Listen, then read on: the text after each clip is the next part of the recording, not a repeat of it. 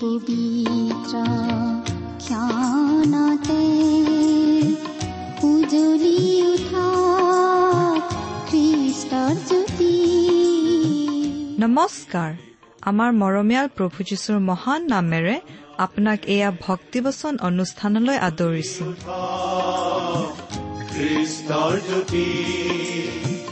আকাশ বতাহ কৰি গাঁও সবে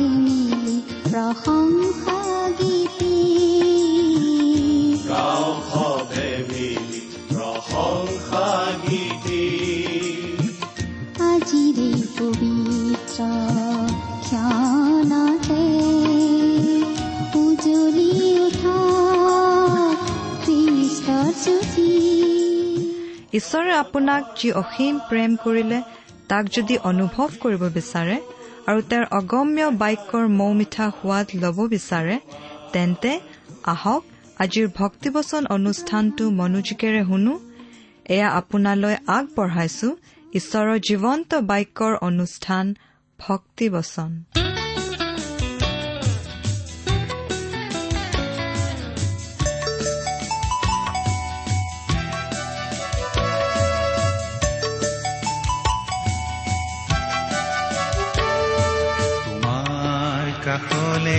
আহিছো পিতা আজি মোক জিৰণি দিয়া তোমাৰ কৰোণা মাগিছো পিতা তুমি মোক খাব দিলোৱা তোমাৰ কাষলে আহিছো পিতা আজি মোক জিৰণি দিয়া তোমাৰ কৰোণা মাগিছো পিতা তুমি মোক আমাৰ পৰম পবিত্ৰ প্ৰভু যীশুখ্ৰীষ্টৰ নামত নমস্কাৰ প্ৰিয় শ্ৰোতা।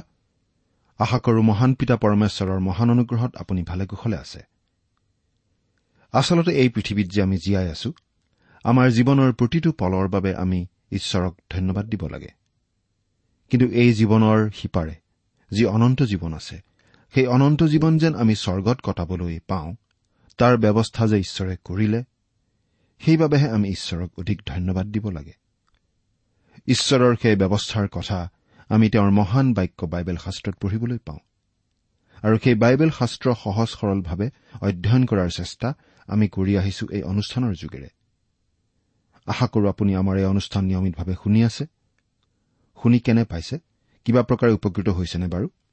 অনুগ্ৰহ কৰি আমালৈ চিঠি লিখি জনাওকচোন। আমাৰ যোগাযোগৰ ঠিকনা ভক্তিবচন টি ডব্লিউ আৰ ইণ্ডিয়া ডাক বাকচ নম্বৰ সাত শূন্য গুৱাহাটী সাত আঠ এক শূন্য শূন্য এক। ভক্তিবচন T W R India postbox number seventy Guwahati seven eight one zero' zero' one. আমাৰ website W W W dot radio' eight eight two dot com প্ৰিয় শ্ৰোতা যদিহে আপুনি আমাৰ এই ভক্তিবচন অনুষ্ঠানটো নিয়মিতভাৱে শুনি আছে বা অন্ততঃ যোৱা অনুষ্ঠানটো শুনিছিল তেনেহলে আপুনি জানে যে আমি এতিয়া বাইবেলৰ নতুন নিয়ম খণ্ডৰ জাকুবৰ পত্ৰ নামৰ পুস্তকখন অধ্যয়ন কৰি আছো। নহয়নে বাৰু? যোৱা অনুষ্ঠানত আমি কি আলোচনা কৰিছিলো আপোনাৰ মনত আছেনে বাৰু? যোৱা অনুষ্ঠানত আমি এই জাকুবৰ পত্ৰ পুস্তকখনৰ চাৰি নম্বৰ অধ্যায়ৰ চাৰি নম্বৰ পদলৈকে পঢ়ি আলোচনা আগবঢ়াইছিলো। গতিকে আজি আমি চাৰি নম্বৰ অধ্যায়ৰ পাঁচ নম্বৰ পদৰ পৰা আমাৰ আলোচনা আগবঢ়াই নিব খুজিছো। এই জাকুবৰ পত্ৰখন খ্ৰীষ্টীয় বিশ্বাসৰ বাবে প্ৰয়োজনীয় ব্যৱহাৰিক কথাৰে ভৰা। আৰু ইয়াৰ যোগেদি আজি আমি শিকিবলগীয়া অনেক কথা আছে।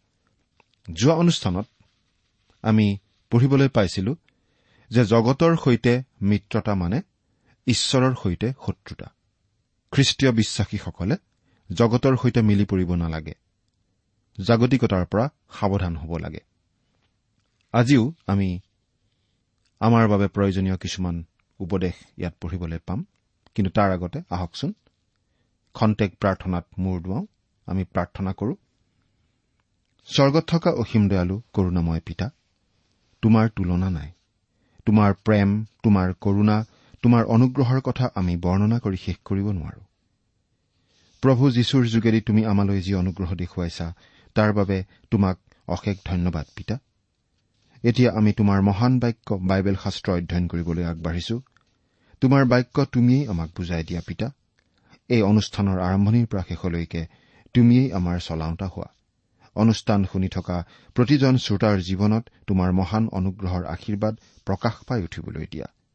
তেওঁলোকৰ জীৱন সৰ্বাংগ সুন্দৰ কৰি তোলা কিয়নো এই প্ৰাৰ্থনা আমাৰ মহান ত্ৰাণকৰ্তা প্ৰভু যীশুখ্ৰীষ্টৰ নামত আগবঢ়াইছো।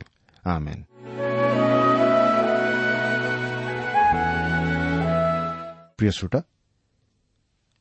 জাকুবে লিখা পত্ৰৰ চাৰি নম্বৰ অধ্যায়ত আমি বিশেষভাৱে আলোচনা কৰি আছো। জাগতিকতাৰ কথা মানুহৰ পাপ অভিলাষ আদিৰ কথা।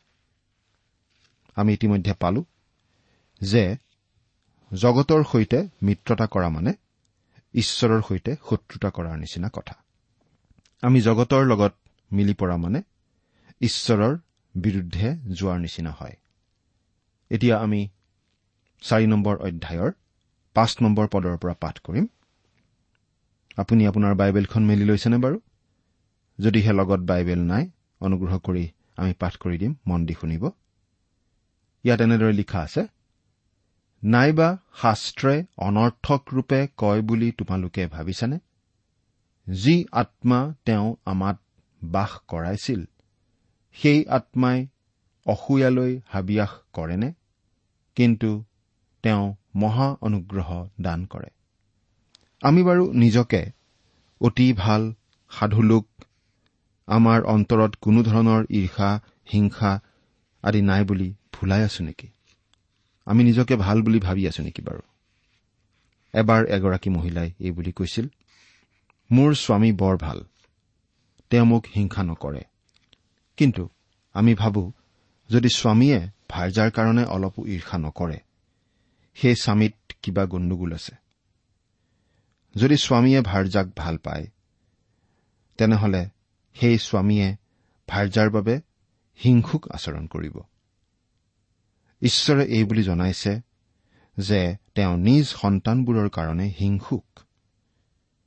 এইটো অৱশ্যে ভাল অৰ্থত হিংসুক। অৰ্থাৎ তেওঁৰ সন্তানবোৰক আনে কাঢ়ি লৈ গলে তেওঁৰ সহ্য নহ'ব।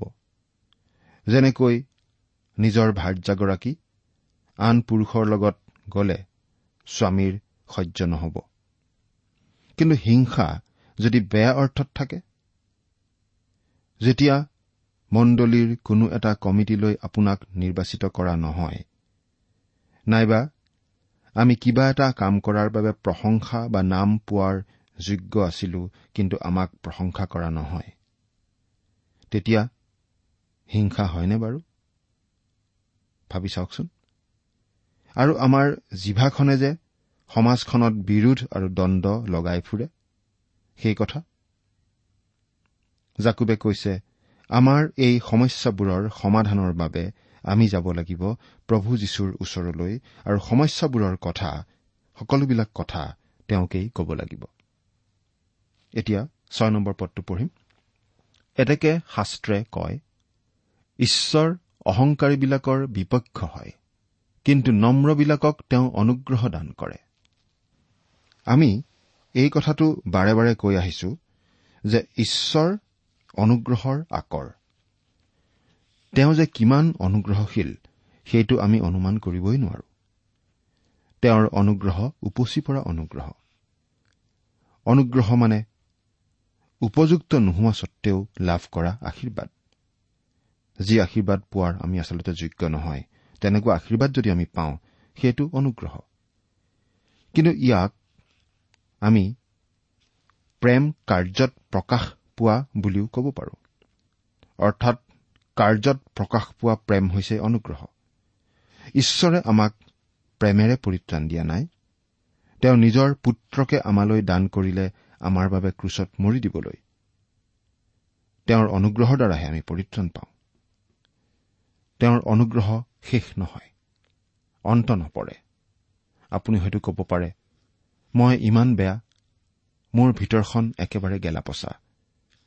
অতি পাপপূৰ্ণ। তেনেহলে আপুনি তেওঁৰ ওচৰলৈ যাওক আৰু আপোনাৰ ভিতৰখন পাপপূৰ্ণ বুলি আপুনি তেওঁক জনাওক। আৰু সেই অৱস্থাৰ পৰা ৰক্ষা পৰিবলৈ তেওঁৰ অনুগ্ৰহ আপুনি বিচাৰক। তেওঁ আপোনাক অনুগ্ৰহ প্ৰদান কৰিব। তেওঁ জীৱন্ত খ্ৰীষ্ট। তেওঁ পিতৃ ঈশ্বৰৰ সোঁহাতে বহি আপোনাৰ মোৰ বাবে নিবেদন কৰি আছে। কিছুমান লোকে ভাবিব পাৰে ঈশ্বৰৰ অনুগ্ৰহ উভৈনদী হৈ থকাটো সঁচানে? পৃথিৱীত যিমানবিলাক ঔষধ আছে সেইবোৰ ঔষধেও এজন বেমাৰীক সুস্থ কৰিব নোৱাৰে। গোটেই পৃথিৱী উপচি থাকিলেও মাত্ৰ এজন বেমাৰী সুস্থ হ'ব নোৱাৰে যেতিয়ালৈকে তেওঁ ঔষধ নাখায়। ঔষধ খাব লাগিব সুস্থ হবৰ বাবে। ঠিক একেদৰে ঈশ্বৰৰ অনুগ্ৰহ আছে উপচি আছে। আপুনি সেই অনুগ্ৰহ আঁকোৱালি ল'ব লাগিব। সন্মুখত অতি পৰিষ্কাৰ পানীৰ নিজৰা এটা থকা সত্বেও কোনো মানুহ পিয়াহত মৰিব পাৰে যদিহে সেই মানুহজনে সেই পানী নাখায়। সেই পানী গ্ৰহণ কৰিব লাগিব জীৱন বচাবলৈ হলে। এই পৃথিৱীত বহুতো লেতেৰা মানুহ আছে বুলি আপুনি জানো চাবোন আৰু পানীক গালি সপনি পাৰে? আপুনি চফা হবৰ কাৰণে প্ৰচুৰ পৰিমাণে চাবোন আৰু পানী এই পৃথিৱীত আছে। ঈশ্বৰে গৰ্বী লোকক প্ৰতিৰোধ কৰে কিন্তু নম্ৰ লোকক অনুগ্ৰহ দেখুৱায়। আমাৰ নিচিনা লেতেৰা দুৰ্বল পাত্ৰতেই ঈশ্বৰৰ অনুগ্ৰহ আমি কঢ়িয়াব লাগিব। আৰু সেই পাত্ৰ হৈছে নম্ৰতাৰ পাত্ৰ। আৰু নম্ৰ লোকেই ঈশ্বৰৰ অনুগ্ৰহ আনলৈ কঢ়িয়াই নিব পাৰে। সাত নম্বৰ পদ। এতেকে তোমালোক ঈশ্বৰৰ বশীভূত হোৱা। কিন্তু ছয়তানক প্ৰতিৰোধ কৰা। তাতে সি তোমালোকৰ পৰা পলাই যাব। প্ৰিয় শ্ৰোতা যেতিয়া আপুনি চিকিৎসাৰ বাবে কোনো এজন ডাক্তৰৰ ওচৰলৈ যায় তেতিয়া আপুনি সম্পূৰ্ণৰূপে নিজকে তেওঁৰ হাতত সমৰ্পণ কৰি দিব লাগে। কেতিয়াবা কোনোবা ডাক্তৰে আমাক প্ৰেছক্ৰিপশ্যন এখন যেতিয়া লিখি দিয়ে তাত ছয়টা সাতটামান ঔষধৰ নাম লিখি দিয়া দেখিলে তেওঁ আমাক বিষ দি মাৰিব খোজা যেন লাগিব পাৰে। কিন্তু আমি যদি তেওঁত ভৰসা ৰাখি সেই ঔষধবোৰ খাওঁ তেনেহলে আমাৰ বেমাৰ ভাল হ'ব। আমি ডাক্তৰৰ হাতত নিজকে সমৰ্পণ কৰিলেহে আৰোগ্য হ'ব পাৰোঁ। এতেকে তোমালোক ঈশ্বৰৰ বশীভূত হোৱা। ঈশ্বৰৰ বশীভূত নোহোৱাকৈ আমি কেতিয়াও সলনি হ'ব নোৱাৰো পৰিৱৰ্তিত হ'ব নোৱাৰো। কিন্তু ছয়তানক প্ৰতিৰোধ কৰা তাতে সি তোমালোকৰ পৰা পলাই যাব। আপুনি হয়তো সুধিব পাৰে ছয়তানকনো কেনেকৈ প্ৰতিৰোধ কৰিম?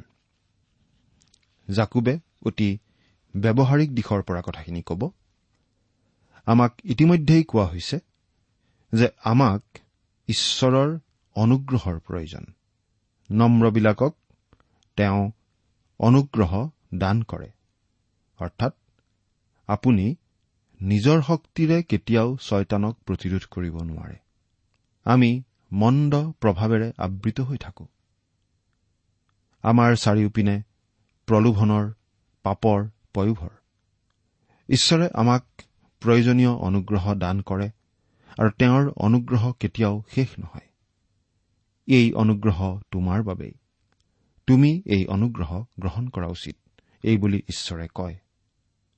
আৰু ছয়তানক প্ৰতিৰোধ কৰিবৰ বাবেও যি অনুগ্ৰহৰ প্ৰয়োজন সেই অনুগ্ৰহ আমি ঈশ্বৰৰ পৰাই পাওঁ যদিহে আমি তেওঁৰ বস হওঁ। আঠ নম্বৰ পদ। ঈশ্বৰৰ ওচৰলৈ চাপি আহা। তাতে তেওঁ তোমালোকৰ ওচৰলৈ চাপিব। হে পাপী মানুহ তোমালোকৰ হাত সূচী কৰা। হে দুই মনৰ মানুহ তোমালোকৰ হৃদয় শুদ্ধ কৰা। ঈশ্বৰ আপোনাৰ হৃদয়ৰ দুৱাৰমুখলৈকে আহিব আৰু আহে কিন্তু তাতকৈ আগবাঢ়ি তেওঁ নাহে। তেওঁ দুৱাৰত টুকুৰিয়াই কিন্তু আপুনি দুৱাৰ খুলি দি তেওঁক ভিতৰলৈ মাতিব লাগিব। একমাত্ৰ তেনেদৰেহে তেওঁ আপোনাৰ হৃদয়লৈ আহিব পাৰে। এবাৰ হেনো এজন বিখ্যাত খ্ৰীষ্টীয় বিশ্বাসীয়ে ছয়তানৰ গালৈ এটা চিয়াঁহীৰ দোৱাত দলিয়াই দিছিল। কোনোবাই ক'ব পাৰে সেইটো পাগলৰ নিচিনা কাম বুলি। কিন্তু সেইটো পাগলামী নহয় যদিহে আপুনি ছয়তানক প্ৰতিৰোধ কৰি আছে। জাকুবে আমাক এই কথাটো জনাই দিছে যে ছয়তানক প্ৰতিৰোধ কৰাৰ উপায়টো হৈছে ঈশ্বৰৰ কাষ চাপি যোৱা। ঈশ্বৰৰ কাষ চাপি যোৱা। তেতিয়া ছয়তান আপোনাৰ পৰা পলাই যাব কাৰণ ছয়তানে ঈশ্বৰৰ সংগ ভাল নাপায়। ছয়তান আপোনাৰ কাষলৈ নাহে যদিহে আপুনি ঈশ্বৰৰ কাষৰ পৰা আঁতৰি নাযায়। যেতিয়ালৈকে কোনো এটা ভেড়া ভেড়াৰখীয়া আৰু ভেড়াৰ জাকটোৰ লগত থাকে তেতিয়ালৈকে কুকুৰনেচীয়া বাঘে আক্ৰমণ নকৰে। আৰু ভেড়াটো ভেড়াৰখীয়াৰ যিমান বেছি ওচৰত থাকে সিমানেই সি বেছি নিৰাপদ। হয়নে নহয় বাৰু কথাটো চিন্তা কৰি চাওকচোন।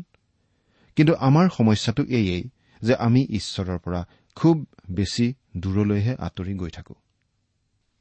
ন নম্বৰ পদ ব্যাকুল হৈ শোক আৰু ক্ৰদন কৰা। তোমালোকৰ হাঁহি সুখ হৈ যাওক আৰু তোমালোকৰ আনন্দ বিষাদ হৈ যাওক। কিছুমান পৰিৱেশ পৰিস্থিতিত আমি দুখ কৰিব লাগে। আনন্দ কৰাৰ স্থান নাই। পাপ আমি কেতিয়াও সহজভাৱে ল'ব নোৱাৰো। যদি কোনোবা খ্ৰীষ্টীয় বিশ্বাসীয়ে পাপৰ কথা সহজভাৱে লয় বা কয় তেতিয়া আমি এনেকুৱা ধাৰণা কৰিব পাৰো তেওঁ কিজানি কোনেও নেদেখা অৱস্থাত মনে মনে কিবা পাপত জড়িত হয় বা হ'ব পাৰে। প্ৰিয় শ্ৰোতা আমি পাপ কেতিয়াও সহজভাৱে ল'ব নোৱাৰো। যদি আমি পাপ কৰো তেতিয়া সেই বিষয়ে আমি দুখ কৰিবই লাগিব। কিন্তু বহুতো খ্ৰীষ্টীয় বিশ্বাসীয়ে তেনে নকৰে। আৰু সমস্যাটো আচলতে তাতেই। আমি চাৰিওপিনে নানা ধৰণৰ শুভবাৰ্তা প্ৰচাৰৰ সভা আদি অনুষ্ঠিত হোৱা দেখি থাকো। কিন্তু তথাপিতো আমি খ্ৰীষ্টীয় মণ্ডলীবোৰত পুনৰ জাগৰণ ঘটা দেখা নাপাওঁ কিয়? আমি ভাবো ইয়াত জাকুবে আমাক বিশেষভাৱে চিন্তা কৰিবলগীয়া বিষয় এটা দিছে। আচলতে খ্ৰীষ্টীয় বিশ্বাসীৰ জীৱনত থকা পাপৰ বিষয়টো গুৰুত্ব সহকাৰে লৈ সেই বিষয়ে শিক্ষা দি খ্ৰীষ্টীয় বিশ্বাসীসকলক মন পালটন কৰিবলৈ আহান নিদিয়ালৈকে পুনৰ জাগৰণ আহিব নোৱাৰে। কিন্তু আমি এই বিষয়টো প্ৰায়েই অৱহেলা কৰি থাকো। আমি আমাৰ পাপৰ বিষয়ে দুখ অনুতাপ কৰা উচিত। মণ্ডলীত লোকসকলক এই বিষয়ে আমি বিশেষভাৱে শিক্ষা দিয়া উচিত। দহ নম্বৰ পদ। প্ৰভুৰ আগত তোমালোকে নিজক নত কৰা। তাতে তেওঁ তোমালোকক উন্নত কৰিব। তাতে তেওঁ তোমালোকক উন্নত কৰিব। আচলতে আজি এইটোও এটা সমস্যা। আমি ভাবো যে আমি অতি বুদ্ধিয়ক। আমি ভাবো আমি অতি শক্তিশালী। আমি ভাবো আমাৰ সামৰ্থ্য আছে। আমি ভাবো আমি খুব ভাল। কিন্তু ঈশ্বৰে কৈছে আমাত একো ভাল নাই। আমাত থকা একো বিষয়েই তেওঁক আকৰ্ষণ কৰিব নোৱাৰে। অৰ্থাৎ আমাত একো ধাৰ্মিকতা নাই যিটো ঈশ্বৰৰ দৃষ্টিত গ্ৰহণীয় হ'ব পাৰে। আচলতে আমাৰ যি গভীৰ প্ৰয়োজনীয়তা সেইটোৱেহে তেওঁক আমালৈ টানি লৈ আহে। আমাৰ অভাৱটো দেখিহে তেওঁ নিজে আগবাঢ়ি আহে। তেওঁ নিজে আগবাঢ়ি আহে। যদিহে আমি নিজে নিজকে নম্ৰ কৰিবলৈ ইচ্ছুক আৰু তেওঁ যাতে আমাক তুলিব পাৰে তেনে ঠাইত আঁঠু লওঁ তেওঁ নিশ্চয় আমাক উন্নত কৰিব। তেওঁ নিশ্চয় আমাক তুলিব। এবাৰ এজন মানুহ সাগৰত ডুবি মৰিব ধৰিছিল আৰু এজন উদ্ধাৰকাৰী মানুহে তেওঁক উদ্ধাৰ কৰিবলৈ গৈছিল। কিন্তু সেই মানুহজনক উদ্ধাৰ কৰাৰ আগতে সেই উদ্ধাৰকাৰী মানুহজনে মানুহজনক ঘোচা মাৰি অচেতন কৰি পেলাইছিল। তাৰ পিছতহে তেওঁ সেই মানুহজন উদ্ধাৰ কৰি আনিছিল। কিয় তেনেকুৱা কৰিলে বুলি সোধাত সেই উদ্ধাৰকাৰী মানুহজনে কৈছিল ডুবিব ধৰা মানুহজনে ৰক্ষা পৰিবলৈ নিজক বচাবলৈ নিজেই চটফটাই আছিল। যেতিয়ালৈকে মানুহজনে নিজক বচাবলৈ এৰি নিদিয়ে তেতিয়ালৈকে তেওঁক মই বচাব নোৱাৰো। গতিকে বচোৱাৰ আগতে তেওঁক মই অচেতন কৰিব লগা হ'ল। আমি ভাবো যে কেতিয়াবা ঈশ্বৰেও আমাক তেনেকুৱা ধৰণে আঘাত কৰে যাতে আমি নিজত ভৰসা কৰিবলৈ এৰি দি তেওঁতেই আশ্ৰয় লওঁ। তেতিয়াহে তেওঁ আমাক নিয়ন্ত্ৰণ কৰিব পাৰে। এঘাৰ আৰু বাৰ নম্বৰ পদ। হে ভাইবিলাক তোমালোকে ইজনে সিজনৰ বিৰুদ্ধে কথা নকবা। যিজনে ভাইৰ বিৰুদ্ধে কথা কয় আৰু ভাইৰ সুধবিচাৰ কৰে তেওঁ বিধানৰ বিৰুদ্ধে কথা কয় আৰু বিধানৰ সুধবিচাৰ কৰে। কিন্তু তুমি যদি বিধানৰ সুধবিচাৰ কৰা তেন্তে বিধান পালনকাৰী নহৈ বিচাৰকৰ্তা হৈছা। আপুনি যদি আন খ্ৰীষ্টীয় বিশ্বাসীৰ বিচাৰ কৰে তেনেহলে আপুনি বিধান ভংগ কৰা হয় কাৰণ আপুনি নিজকে বিধানৰ ঊৰ্ধত স্থাপন কৰি বিধান অৱহেলা কৰাৰ নিচিনা হয়। আন কথাত আমি এনেকৈও ক'ব পাৰো আপুনি নিজক কোন বুলি ভাবে? যদি আপুনি আন ভাইৰ বিচাৰ কৰে তেনেহলে আপুনি নিজকে ঈশ্বৰৰ স্থানত বহুওৱাৰ নিচিনা হয়। আজিকালি দুই ধৰণৰ মানুহে ঈশ্বৰৰ স্থান ল'ব বিচাৰে। প্ৰথমতে আমি ক'ব পাৰো তেনেকুৱা পাপীবিলাকৰ কথা যিবিলাকে এই বুলি কয় মই ভাল নিজকে ৰক্ষা কৰিবলৈ মই সমৰ্থ। প্ৰভু আপুনি দিব খোজা পৰিত্ৰাণ মোক নালাগে আপুনি আঁতৰি দিয়ক। মই নিজে উঠি গৈ আপোনাৰ কাষত বহিব পাৰিম। মই নিজে নিজৰ উদ্ধাৰকৰ্তা। কিন্তু প্ৰিয় শ্ৰোতা ঈশ্বৰে তেওঁৰ বাক্যত কৈছে যে তেওঁহে একমাত্ৰ প্ৰাণকৰ্তা আৰু দ্বিতীয়তে আমি সেই মানুহৰ কথা ক'ব পাৰো যিজনে নিজে আন মানুহৰ বিচাৰ কৰে। তেওঁ নিজৰ বিচাৰ নকৰে কিন্তু বাকী সকলোৰে বিচাৰ কৰে। কিন্তু জাকুবে কৈছে যে বিচাৰ কৰাটো ঈশ্বৰৰ কাম। বহুতো খ্ৰীষ্টীয় বিশ্বাসীয়ে প্ৰভু যীশুক অন্তৰতেই এনেদৰে কোৱাৰ নিচিনা হয়। আপুনি আঁতৰি দিয়ক মই আপোনাক সহায় কৰি দিওঁ। আমি এখন বিচাৰ সভা পাতিম আৰু তাত ময়ো আপোনাৰ লগতে এজন বিচাৰক হ'ম। এৰা নিজকে বিচাৰকৰ আসনত বহোৱা এনেকুৱা খ্ৰীষ্টীয় বিশ্বাসী বহুতো আছে। আপুনিও নেকি বাৰু? চিন্তা কৰি চাওকচোন। কিন্তু আমাক এই বুলিহে কোৱা হৈছে যে আমি নিজে নিজকহে পৰীক্ষা কৰি চোৱা উচিত আৰু প্ৰভুৰ আগলৈ নম্ৰভাৱে আগবাঢ়ি যোৱা উচিত। আৰু আমি মনত ৰখা উচিত বাৰ নম্বৰ পদটো। বিধান দিওঁতা আৰু বিচাৰকৰ্তা এজনা মাথোন। তেওঁ পৰিত্ৰাণ কৰিবলৈ আৰু বিনষ্ট কৰিবলৈকো সমৰ্থ। কিন্তু চুবুৰীয়াৰ বিচাৰ কৰিবলৈ যি তুমি তুমিনো কোন? এৰা বিচাৰ কৰিবলৈ আমাৰ আচলতে কোনো অধিকাৰ নাই। বিচাৰ কৰাৰ একমাত্ৰ অধিকাৰ আছে ঈশ্বৰৰহে। তেৰ নম্বৰ পদ পঢ়িম। এতিয়া চোৱাচোন তোমালোকে বোলা আজি বা কাইলৈ আমি অমুক নগৰলৈ গৈ তাতে এবছৰ থাকি বেহা বেপাৰ কৰি লাভ কৰিম। আমি বহুতেই ভৱিষ্যতৰ কাৰণে ডাঙৰ ডাঙৰ পৰিকল্পনা কৰো কিন্তু অহাকালি কি হ'ব আমি নাজানো। তেনেহলে আমিনো কি কৰা উচিত? প্ৰভুৱে আমাক কি কয় শুনক। চৈধ্য নম্বৰ পদ। কালিলৈ কি ঘটিব তাক তোমালোকে নাজানা। তোমালোকৰ জীৱননো কি? কিয়নো এখন্তেক দেখা পোৱা হৈ পাছত দেখা নোপোৱা যি ভাৱ তোমালোক সেই ভাৱস্বৰূপ। জাকুবে আমাক কৈছে ভৱিষ্যতে কি হ'ব আমি কোনেও নাজানো। জীৱননো কি? ভাৱস্বৰূপ। এই আছে এই নাই। যাৰ কালি ৰাতিপুৱা কুঁৱলীয়ে চাৰিওফালে ঢাকি ৰাখে কিন্তু ৰ'দ ওলোৱাৰ লগে লগে কুঁৱলী আঁতৰি যায়। আমাৰ জীৱনটো তেনেকুৱা অতি অনিশ্চিত ক্ষণস্থায়ী পৰিৱৰ্তনশীল। ঈশ্বৰৰ পৰা আঁতৰি থাকি ঈশ্বৰক বাদ দি কটোৱা মানৱ জীৱন আচলতে ঈশ্বৰৰ এই বিশ্বজগতৰ ভিতৰতে এটা চৰম বিফল কাৰ্য। আন সকলোবোৰেই কিবা নহয় কিবা এটা উদ্দেশ্যত স্থায়ীভাৱে কাম কৰি থাকে। আকাশত সূৰ্যই উভয় নদীকৈ শক্তিৰ যোগান ধৰে। আমি তাৰ ক্ষুদ্ৰ অংশ এটাহে ব্যৱহাৰ কৰি আছো। চন্দ্ৰটোৰো এটা বিশেষ কাম আছে। কিন্তু ঈশ্বৰ অবিহনে মানুহৰ জীৱন অৰ্থহীন লক্ষ্যহীন উদ্দেশ্যবিহীন। ষাঠি বা সত্তৰটা বছৰ তেনেদৰে পাৰ হৈ যায় আৰু মানুহ মাটিৰ লগত মিলি যায়। পোন্ধৰ নম্বৰ পদ। তাৰ সলনি বৰং এই কথা কোৱা প্ৰভুৰ ইচ্ছা হলে আমি জীয়াই থাকি এই কৰ্ম বা সেই কৰ্মকে কৰিম। এৰা আমাৰ জীৱন ঈশ্বৰৰ হাতত আছে। ষোল্ল নম্বৰ পদ। কিন্তু এতিয়া তোমালোকে নিজ নিজ দৰ্প কথাত শ্লাঘা কৰিছা। এই সকলো শ্লাঘা মন্দ।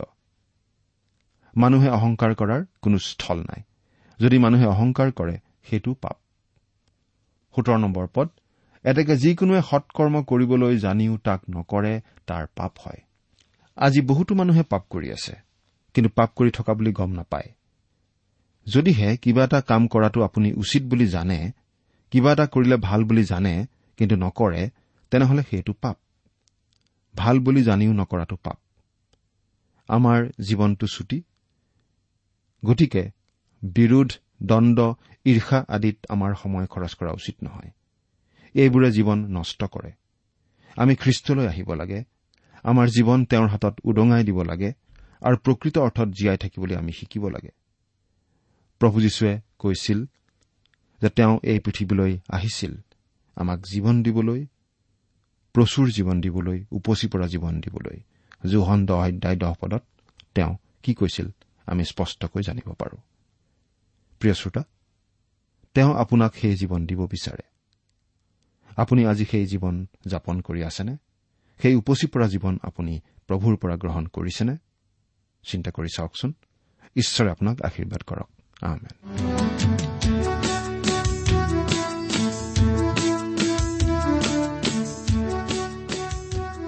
ইমান পৰে আপুনি ভক্তিবচন অনুষ্ঠানটি শুনিলে। অনুষ্ঠানটি শুনি কেনে পালে আমালৈ চিঠি লিখি জনাবচোন? অনুষ্ঠানত প্ৰচাৰ কৰা কোনো কথা বুজিব লগা থাকিলেও আমালৈ লিখক। আমাৰ ঠিকনা ভক্তিবচন টি ডাব্লিউ আৰ ইণ্ডিয়া। ডাক পাকচ নম্বৰ সাত শূন্য গুৱাহাটী সাত আঠ এক শূন্য শূন্য এক। ঠিকনাটো আৰু এবাৰ কৈছো ভক্তিবচন টি ডাব্লিউ আৰ ইণ্ডিয়া। ডাক পাকচ নম্বৰ সাত শূন্য গুৱাহাটী সাত আঠ এক শূন্য শূন্য এক। আপুনি ইমেইল যোগেৰেও আমাৰ সৈতে যোগাযোগ কৰিব পাৰে। আমাৰ ইমেইল আইডিটো হৈছে Assamese T TV at radio' eight eight two dot com আইডিটো আকৌ এবাৰ কৈছো Assamese T TV at radio' eight eight two dot com আপুনি টেলিফোনৰ মাধ্যমেৰেও আমাক যোগাযোগ কৰিব পাৰে। আমাৰ টেলিফোন নম্বৰটো হৈছে শূন্য তিনি ছয় এক দুই ছয় শূন্য চাৰি ছয় সাত এক। ফোন নম্বৰটো আকৌ এবাৰ কৈছো জিৰ' থ্ৰী ছিক্স ওৱান আজিৰ অনুষ্ঠানটি ইমানতে সামৰিছো। ঈশ্বৰৰ শান্তি আৰু অনুগ্ৰহ আপোনাৰ লগত থাকক। ধন্যবাদ।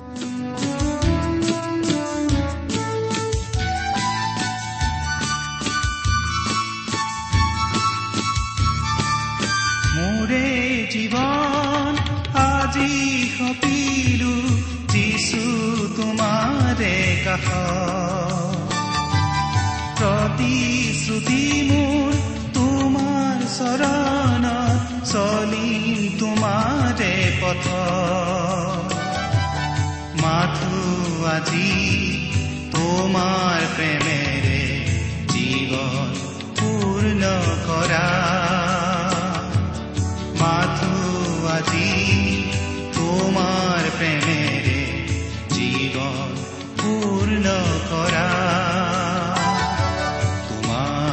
কাষলে আহিছো পিতা আজি মোক জিৰণি দিয়া। তোমাৰ কাষলে আহিছো পিতা আজি মোক জিৰণি দিয়া। তোমাৰ কৰোণা মাগিছো পিতা তুমি মোক সাৱতি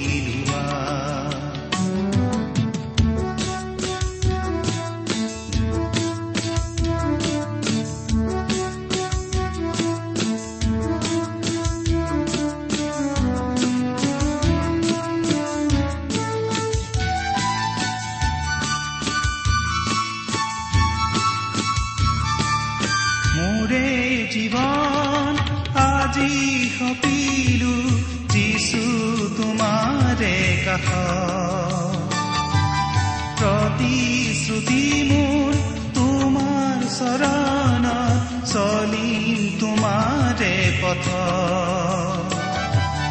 মাথো আজি তোমাৰ প্ৰেমেৰে জীৱন পূৰ্ণ কৰা মাথো আজি তোমাৰ প্ৰেমেৰে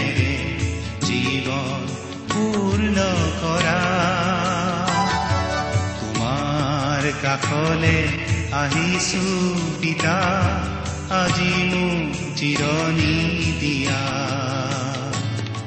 তোমাৰ কৰোণা মাগিছো পিতা তুমি মোক খাব দিয়া তোমাৰ কাষলে আহিছো পিতা আজি মোক জিৰণি দিয়া।